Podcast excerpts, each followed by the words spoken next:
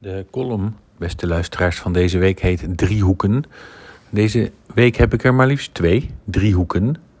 Kijk, driehoek, dat is jargon voor het overleg tussen de gemeentesecretaris... Hè, lees de hoogste ambtenaar, de baas, de chef, de directeur van de gemeente...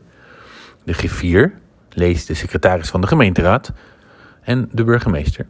Gemeentesecretaris, griffier en burgemeester zijn samen de driehoek... waar dingen worden besproken die spelen tussen het college en de gemeenteraad... maar ook zaken die spelen tussen de gemeentelijke organisatie en wat het college betreft of de gemeenteraad betreft. De planning, voorbereiding van belangrijke besluiten.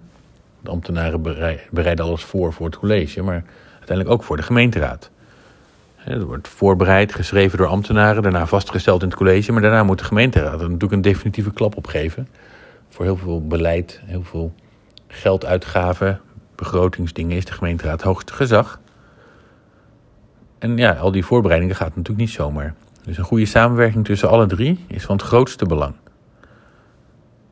Een andere driehoek, dat is de gezagsdriehoek. En daarin bespreken dan de officier van justitie, het Openbaar Ministerie, uh, en de politie en de burgemeester, de veiligheid, de openbare orde van Leidschendam-Voorburg.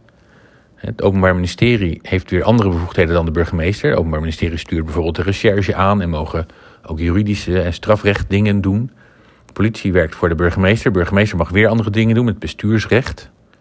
Dus daar is ook een zorgvuldige afstemming van het grootste belang. Want wie kun je wanneer het beste inzetten? Hè? Want de burgemeester mag bijvoorbeeld een huisverbod opleggen.